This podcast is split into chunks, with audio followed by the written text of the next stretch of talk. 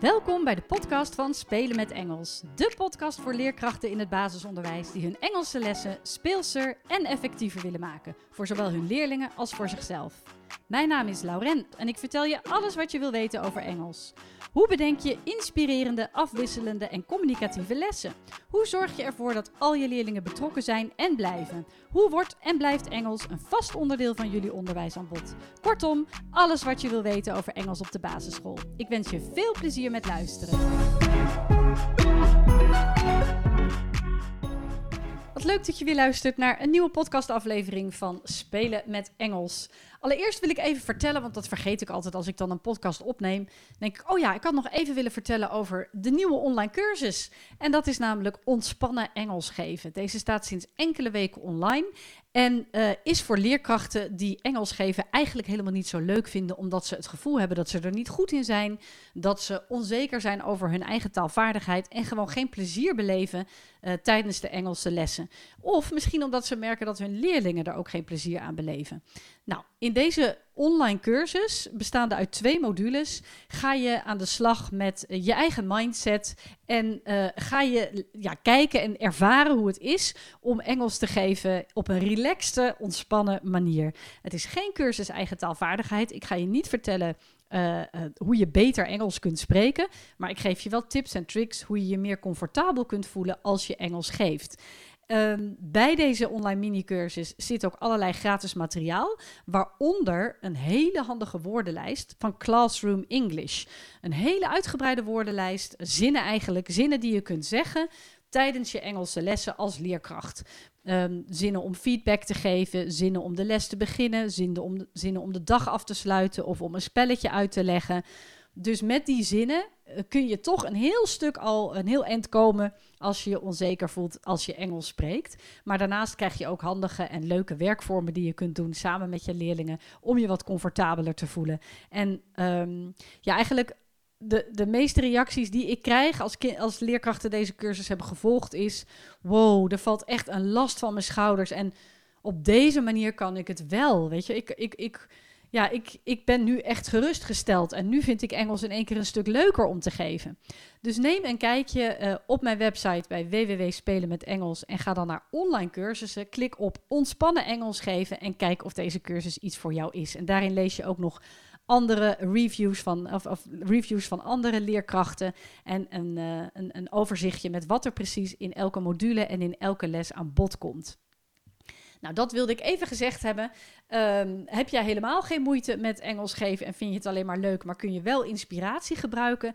Ja, dan raad ik je een van mijn andere cursussen aan. Bijvoorbeeld voor onderbouwleerkrachten. Uh, van prentenboek naar lessenserie, waarin we samen een, uh, een lesplan gaan schrijven van vier tot zes weken um, bij een, een, een prentenboek, een Engels prentenboek. Wat kun je allemaal voor, tijdens en na het voorlezen doen aan activiteiten? En wat ook een hele leuke cursus is, maar die is wel wat uitgebreider, is de cursus Spelen met Engels 2, waarin je een lessenserie gaat schrijven aan de hand van een thema. Met een communicatieve eindopdracht voor je leerlingen. Ja, zelfs in groep 1, 2. Uh, en waarin ik precies ga vertellen ook wanneer zet je nu welke werkvormen in en welke spreekvaardigheidsopdrachten kun je allemaal doen met je leerlingen. Die sluit heel mooi aan op de cursus Spelen met Engels 1, waarin ik je ook uitleg onder andere hoe kinderen nu eigenlijk een vreemde taal leren. Maar goed, dat even gezegd hebbende. Ik denk, ik vergeet dat steeds. En uh, misschien zijn er leerkrachten die alleen maar naar mijn podcast luisteren en verder nooit op mijn website komen. Dan is het toch handig als ik af en toe even benoem dat ik heel veel online cursussen heb ontwikkeld. En daarnaast natuurlijk ook mijn blogs en uh, de webshop en alles. En uh, er is ook nog ruimte voor live studiedagen of workshops. In maart zit ik behoorlijk vol. Maar um, in april en mei is zeker nog ruimte als je zegt oeh, ik heb wel zin om met mijn team eens even een boost te geven aan mijn Engelse lessen. Of juist om veel meer structuur te bieden um, en alle neuzen dezelfde kant op te krijgen met ons team. Nou, dan uh, zou ik ook zeker eens aan spelen met Engels denken. Kan ik, uh, kan ik eens met je sparren wat ik voor jullie kan betekenen. Goed, in deze aflevering wil ik met jullie het laatste hoofdstuk van Engels in het basisonderwijs meer dan de kennisbasis vakdidactiek bespreken. Het boek dat ik schreef samen met Marian Bodde Alderlieste. En in dit laatste hoofdstuk, hoofdstuk 10, dat gaat over flexibel Engels, geef ik diverse tips en tricks om te differentiëren in de onder- en bovenbouw. En ik dacht, misschien is het leuk om even vooral in te gaan op het stukje schrijf- en spreekvaardigheid. Ehm, ondertussen heeft mijn kat de handpop van Piet de Cat gevonden. dan gaat hij mij aan de haal. Dus ik uh, hoop dat ik deze podcast gewoon in één keer kan afmaken. maar misschien moet ik dus tussendoor even op pauze klikken. Anyway, uh, en over Piet de Cat gesproken, als ik daar toch over begin. Een echte aanrader. ken je het niet? Ga eens googlen op Piet de Cat. En dan zie je enorm veel leuke boeken die, hij, die er van hem gemaakt zijn bij diverse thema's.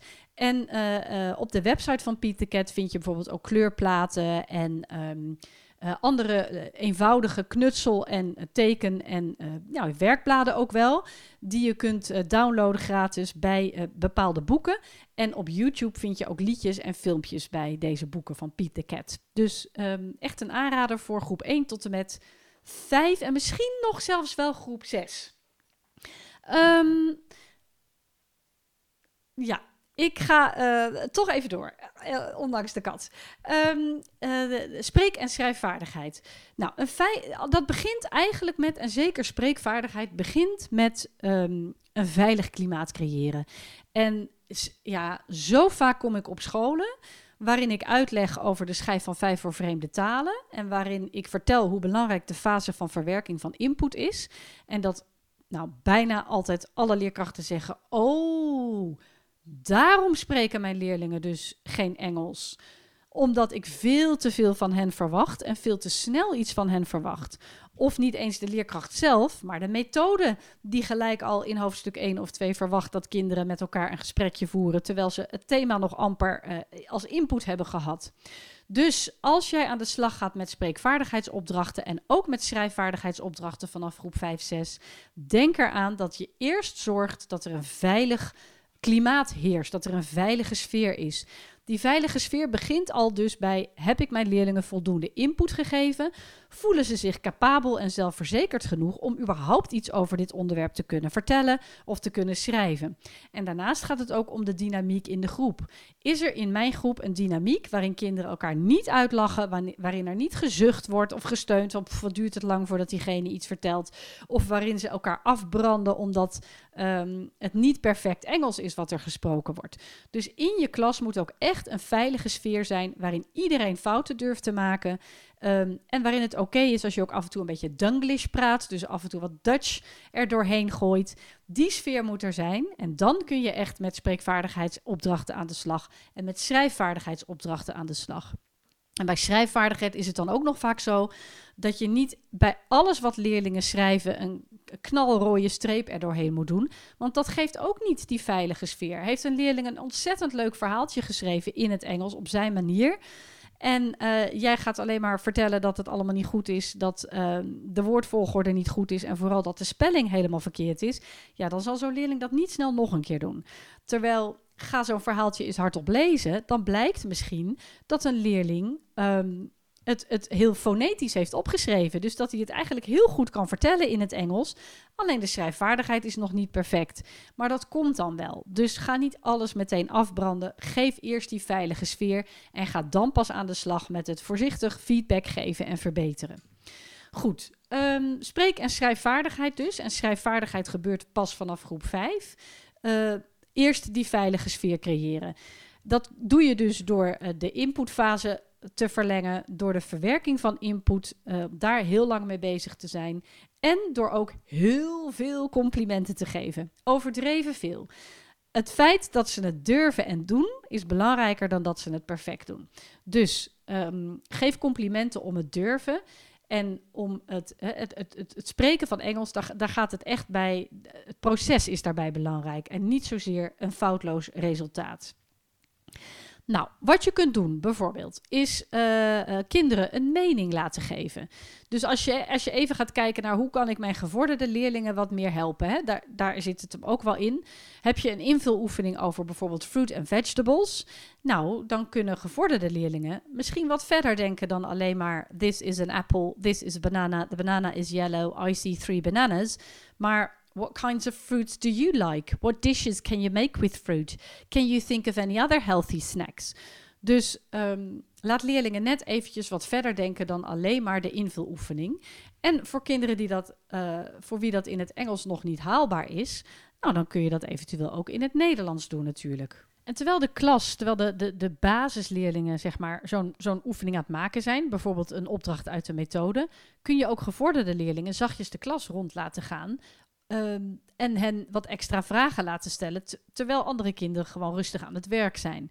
Bijvoorbeeld dat ze een, um, een schemaatje hebben gekregen waarop ze bepaalde uh, vragen moeten invullen, zoals uh, how often do you eat fruit? What's your least favorite fruit? Do you know what a raspberry means? En de antwoorden van hun klasgenoten verwerken ze dan in een soort schemaatje. En dat kunnen ze dan weer aan de leerkracht of aan elkaar of aan de klas presenteren. Um, het gaat vaak dan om bijvoorbeeld vijf of zes leerlingen. Of je kunt steeds vijf leerlingen rond laten gaan. Dus dat is dan niet heel erg storend. Je kan natuurlijk ook allemaal tegelijk doen. Maar het gaat juist om even van hoe kan ik die leerlingen die wat verder zijn ook en die wel die spreekvaardigheid al aankunnen, hoe kan ik die verder helpen? Um, als je bij een spreekvaardigheidsoefening, uh, als, je, als je dat met de hele klas wil doen, bedenk dan echt eerst, is er een veilige sfeer? En gaan er niet gelijk vanuit dat elke leerling wel voor de klas wil staan en in het Engels wil spreken.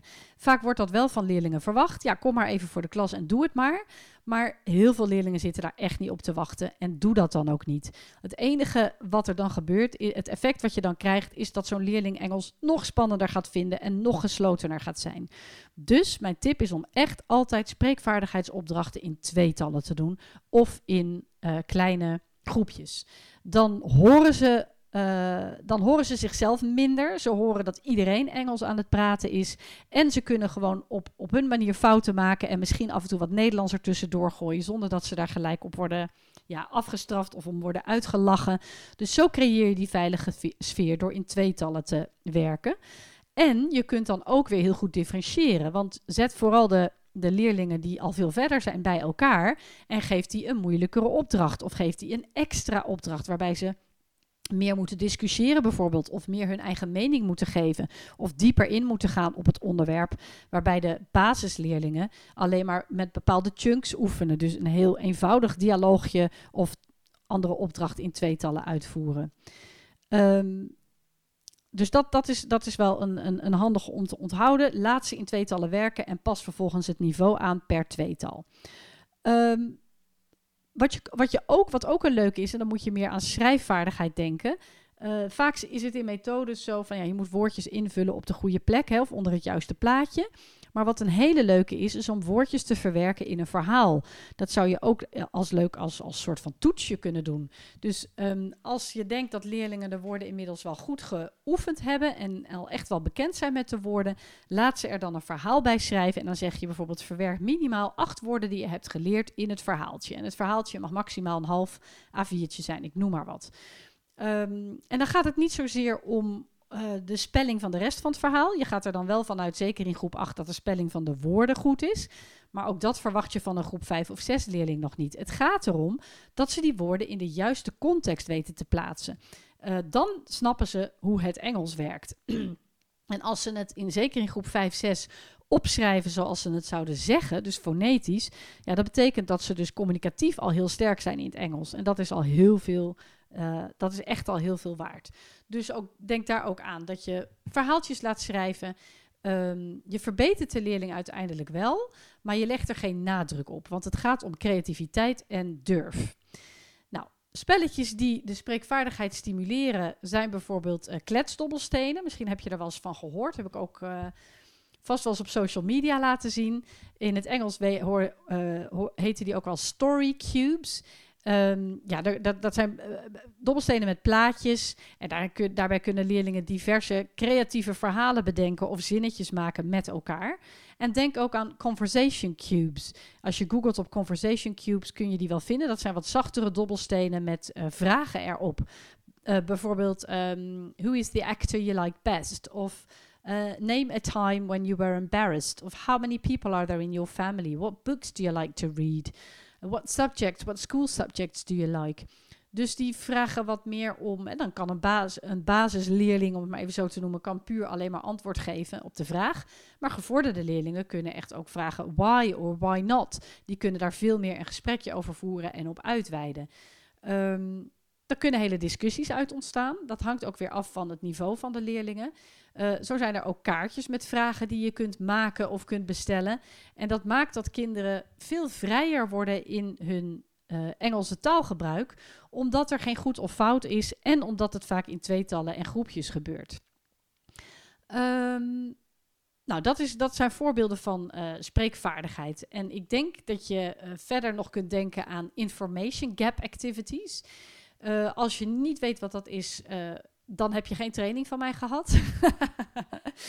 of niet de online cursus. ik denk dat dat in online cursus 2 zit. Information gap activities, Google maar eens. Dat zijn hele leuke opdrachten om in tweetallen te doen, waarbij je elkaar clues geeft of vragen stelt om achter bepaalde informatie te komen. Dat is echt een hele leuke, veilige manier om binnen een thema met elkaar te spreken. Nou, andere taalspellen waaraan je kunt denken zijn natuurlijk kwartet. In het Engels heet dat ook wel happy families. Want uh, als je eenmaal een kwartet hebt, roep je happy families. Uh, en dat is nog binnen kaders. Hè? Dus dan kun je bijvoorbeeld, have you got from the category um, uh, health, healthcare, the nurse. Yes, I have. Of no, I haven't. Dus dat zijn hele veilige spreekopdrachten die je in groepjes kunt doen. Um, ja, wat nog meer? Raadspelletjes natuurlijk. Dus het omschrijven van woorden. Dat, daar kom ik ook uh, op, uh, op terug in mijn vorige podcast. Dat je woorden gaat omschrijven. Uh, woorden tekenen worden uitbeelden. Maar dat is al, dan is eigenlijk maar één leerling echt aan het woord en de andere leerling is meer aan het tekenen en uitbeelden. Dus dat is wat minder spreekvaardigheid. Um, ja, en in de bovenbouw kun je ook denken aan zelf gedichten of raps schrijven. Um, hè, dat is ook weer wat meer vrij, het vrijere uh, schrijvenopdrachten. Maar denk ook aan um, uh, het, strip, het maken van stripverhalen. Dus je kunt vaak ook wel lege cartoons vinden als je googelt op, uh, op internet. Je vindt ze ook soms in de werkbladen van Spelen met Engels. Dus een lege cartoon waarbij kinderen dan alleen maar de ballonnetjes hoeven in te vullen. En dat moet dan wel over het thema gaan waar ze over hebben geleerd. En ook daarvan kun je weer zeggen: verwerk minimaal 10 woorden die je hebt geleerd in jouw cartoon. Maar misschien vinden kinderen het ook wel heel leuk om zelf te tekenen. Maar dan moet je voorkomen dat ze vervolgens een uur bezig zijn met tekenen en maar één minuut met Engels. Dan slaat het doel, dan slaat je, dan slaat, hoe zeg je dat? Dan slaat de opdracht de plank weer een beetje mis. Want het gaat uiteindelijk natuurlijk wel om het Engels. Maar ja, daar kun je ook weer op aansturen. Hè. Dan kun je ook zeggen, joh, ik zie dat je prachtig aan het tekenen bent, maar maak dat thuis even af. Want het gaat er ook om dat je even nu uh, de ballonnetjes gaat invullen met Engels. En vervolgens kunnen ze die stripverhalen bijvoorbeeld weer voorlezen aan hun klasgenootjes in een veilige setting, in tweetallen of in groepjes. Dus um, ja, nog even terugkomend op die spreek- en schrijfvaardigheid. Uh, ik heb dan natuurlijk er zijn wel heel veel opdrachten die ik nu zeg, die vooral voor de bovenbouw geschikt zijn, realiseer ik me nu. Maar om even terug te komen op, realiseer je dat je eerst een veilig klimaat moet creëren door voldoende input te geven en tijd te, leerlingen de tijd te geven om de input te verwerken. Daar heb ik ook wel een eerdere podcast over opgenomen.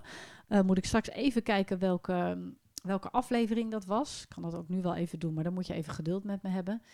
Uh, even kijken hoor. Geef leerlingen de tijd, heet die ook echt. Ja, kan ik hem natuurlijk weer niet vinden. Nou, in ieder geval podcast 23, hoe en waarom geef je input? Die is wel handig. Ah, ik heb een podcast 32, geef leerlingen de tijd. Dat is wel een handige. Dan creëer je een veilige sfeer. Daarnaast creëer je de veilige sfeer door ze in tweetallen en in groepjes te laten werken en niet alles klassikaal te doen. En door heel veel complimenten te geven op het durven en het doen en niet zozeer om een foutloos resultaat. Nou, ik gaf je tips om bijvoorbeeld bij invuloefeningen of schrijfopdrachten gevorderde leerlingen de kans te geven om ook meer hun mening te geven, uh, discussies te voeren en gesprekjes te voeren over dat bepaalde thema. Of door ze in de klas rond te laten lopen en een soort van uh, interviewtjes af te nemen waarbij ze schema's invullen die ze ook weer met elkaar bespreken of presenteren aan de klas. Um, geef afgebakende spreekopdrachten. Bijvoorbeeld zoiets als een kwartet. Dat is een hele mooie afgebakende spreekopdracht. Maar ook reactiespellen die je bij elk thema van spelen met Engels vindt. Heel veilig, wel hardop praten, maar nog wel gewoon door middel van voorlezen. Um, En verder kun je eh, wat schrijfopdrachten betreft eh, leerlingen verhaaltjes laten schrijven waarin ze de woorden van het thema verwerken. Waarbij spelling niet zozeer belangrijk is, tenzij je in groep 8 zit, maar vooral om wordt het in de juiste communicatieve context verwerkt. En je kunt kinderen ook uh, strips laten maken waarbij ze of zelf tekenen of een, een strip hebben al, maar de ballonnetjes zijn nog leeg. En daarin verwerken ze dan zinnetjes met woorden die ze hebben geleerd over het thema. Uh, dat kan natuurlijk ook met het schrijven van een e-mail naar elkaar of het schrijven van tekstberichtjes, als het maar over het thema gaat en dat ze kunnen laten zien dat ze dat over dat thema hebben geleerd. Maak om de spreekvaardigheid te bevorderen gebruik van story cubes, kletsdobbelstenen, conversation cubes of kaartjes met vragen. Uh, ook dan weer kunnen ze in tweetallen of in kleine groepjes uh, op hun eigen niveau met spreekvaardigheid bezig zijn. Um, verder kun je nog denken aan woorden omschrijven. Maar dan is vaak één leerling vooral aan het woord en de andere leerling niet. En dat geldt ook voor bijvoorbeeld woorden tekenen of woorden uitbeelden. Um, het is belangrijk verder dat je dus uh, het, het, doet in, veilige, in, veiligheid, in met bepaalde kaders. En um, ja, wat kan ik verder daar nog over zeggen? Volgens mij heb ik dan alles wel zo'n beetje verteld wat ik wilde vertellen. Uh, ja, volgens mij was dat hem wel. Ik denk dat je dan wel de. Oh ja, de information gap activities. Ik heb het natuurlijk ook over de information gap activities gehad. Waarbij leerlingen hetzelfde werkblad hebben. Maar doordat ze andere informatie hebben, moeten ze elkaar wel vragen stellen of clues geven om achter de juiste informatie te komen. Als die vragen en clues helemaal afgerond zijn, dan kijken ze op elkaars werkblad. Hebben we dezelfde informatie? Hebben we het goed gedaan? Nou, die information gap activities vind je veel terug in de werkbladen van Spelen met Engels. Uh, omdat ik dat echt de leukste werkvorm vond om kinderen in alle veiligheid Engels te laten spreken. Maar je kunt ze ook wel vinden in mijn blogs en op internet. Um, een groot gedeelte van wat ik vertelde is vooral geschikt voor de bovenbouw.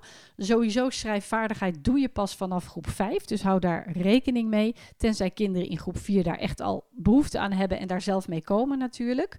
Maar vanaf groep 5 gaan kinderen kennis maken met de, schrijftaal. En vanaf groep 7 kun je ook echt wel gaan denken aan: wordt er wel juist op de juiste manier uh, aan spelling gedacht en uh, zinsvolgorde, dat soort dingen. Het gaat vooral om communicatieve vaardigheden. Um, en in groep 1 tot en met 4, zeker in groep 1, 2, kun je natuurlijk ook nog niet hele gesprekjes van kinderen verwachten. Maar hoe meer jij aanbiedt en hoe meer jij herhaalt en van kinderen verwacht dat ze jou uh, uh, naspreken, hoe sneller kinderen ook in de onderbouw tot gesprekjes kunnen komen. Alleen dan moet je denken aan een gesprekje als: Have you got a banana? Yes, I have. Of no, I haven't. Uh, are you wearing a t-shirt? Yes, I am. No, I'm not. Are you uh, drinking milk? Yes, I am. No, I'm not. Do you like broccoli? Yes, I do. No, I don't. Dus dan werk je heel erg in korte, uh, dat zijn chunks, vaste brokjes taal die je uh, de kinderen gewoon zo aanleert. Met variabele noties. En dat wil zeggen een woordje wat ze zelf invullen. Broccoli, banana, pear, apple, noem maar wat. Hoe vaker je die chunks inoefent, hoe sneller leerlingen dat zelf tot zich zullen nemen en uiteindelijk dus ook zelf zeggen. En dan heb je ook in de onderbouw output. Uh, en dat kun je in groep 3 uit, uh, uitbreiden met uh, bijvoorbeeld: Are you eating a banana? Yes, I am. What color is the banana? It's yellow. Dus dan doe je er wat bij. Are you wearing a t-shirt? Yes, I am. What color is your t-shirt? It's white. Noem maar wat. Dus dat breid je langzaam uit in groep 3, 4. En dan in groep 5, 6 ga je naar wat dialogen tussen de 8 en 10 zinnen. En in de bovenbouw kun je helemaal los. Want dan zijn ze zo gewend om al 6, 7 jaar lang Engels te spreken. dat dat in de bovenbouw geen enkel probleem meer is. Maar het gaat wel om herhaling. En laat kinderen dus vooral heel veel in alle veiligheid in tweetallen oefenen. En in groep 1, 2 gaan kinderen door een stille periode, dus je forceert niks. Ze nemen heel veel in zich op, maar dat wil niet zeggen dat ze ook daadwerkelijk tot uh, output komen. Dus ook daar geef leerlingen de tijd. Nou, ik hoop dat je wat aan deze tips hebt gehad. Ga ook eens googlen op Information Gap Activities. Maar bestel gewoon ook gerust werkbladen van Spelen met Engels. Want daarin vind je heel veel leuke spreekvaardigheidsopdrachten. En dat geldt natuurlijk ook voor de kwartetten en de reactiespellen en de Guess What spellen. Guess What is ook zo'n voorbeeld van een Information Gap Activity. Dat zijn varianten op het spel Wie is het? Waarbij leerlingen eh, een, een plaatje kiezen en dan moeten ze van elkaar raden welk plaatje ze hebben gekozen. En dat kun je ook zo moeilijk of makkelijk maken als je zelf wilt. Nou, dat, dat zijn voorbeelden uit hoofdstuk 10. Dus flexibel Engels, uh, spreekvaardigheid, variëren met, um, met jouw werkvormen.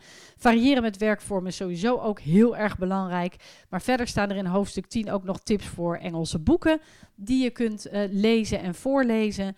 Uh, tips voor variatie in de onderbouw en andere productieve taalspellen. Dus ja, ga daar ook eens een kijkje nemen. En doe gerust ook mee met een van mijn online cursussen om nog veel meer tips en tricks te hebben om je kinderen aan het spreken te krijgen.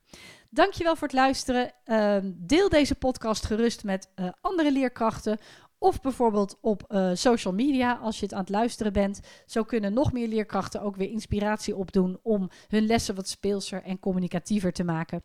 En daar is het mij natuurlijk allemaal om te doen. Ik wens je een mooie dag en tot de volgende podcast. Wat leuk dat je luisterde naar deze podcast. Heb je nog vragen? Bijvoorbeeld over het voorbereiden van een les, het uitvoeren van een werkvorm of over Engels bij jou op school? Of wil je misschien meer weten over de studiedagen, de online cursussen en het lesmateriaal dat Spelen met Engels verzorgt? Je kunt me altijd mailen op info@spelenmetengels.nl. En ook op de website, de Facebookpagina en het Instagram-account vind je enorm veel inspiratie. Het is mijn doel om alle leerkrachten in het basisonderwijs met plezier hun Engelse lessen te laten voorbereiden en te geven. Dus als je deze podcast zou willen delen met collega's of op social media, dan stel ik dat enorm op prijs. En vergeet dan niet spelen met Engels te taggen. Nogmaals bedankt voor het luisteren. Heel veel plezier met je Engelse lessen en tot een volgende keer.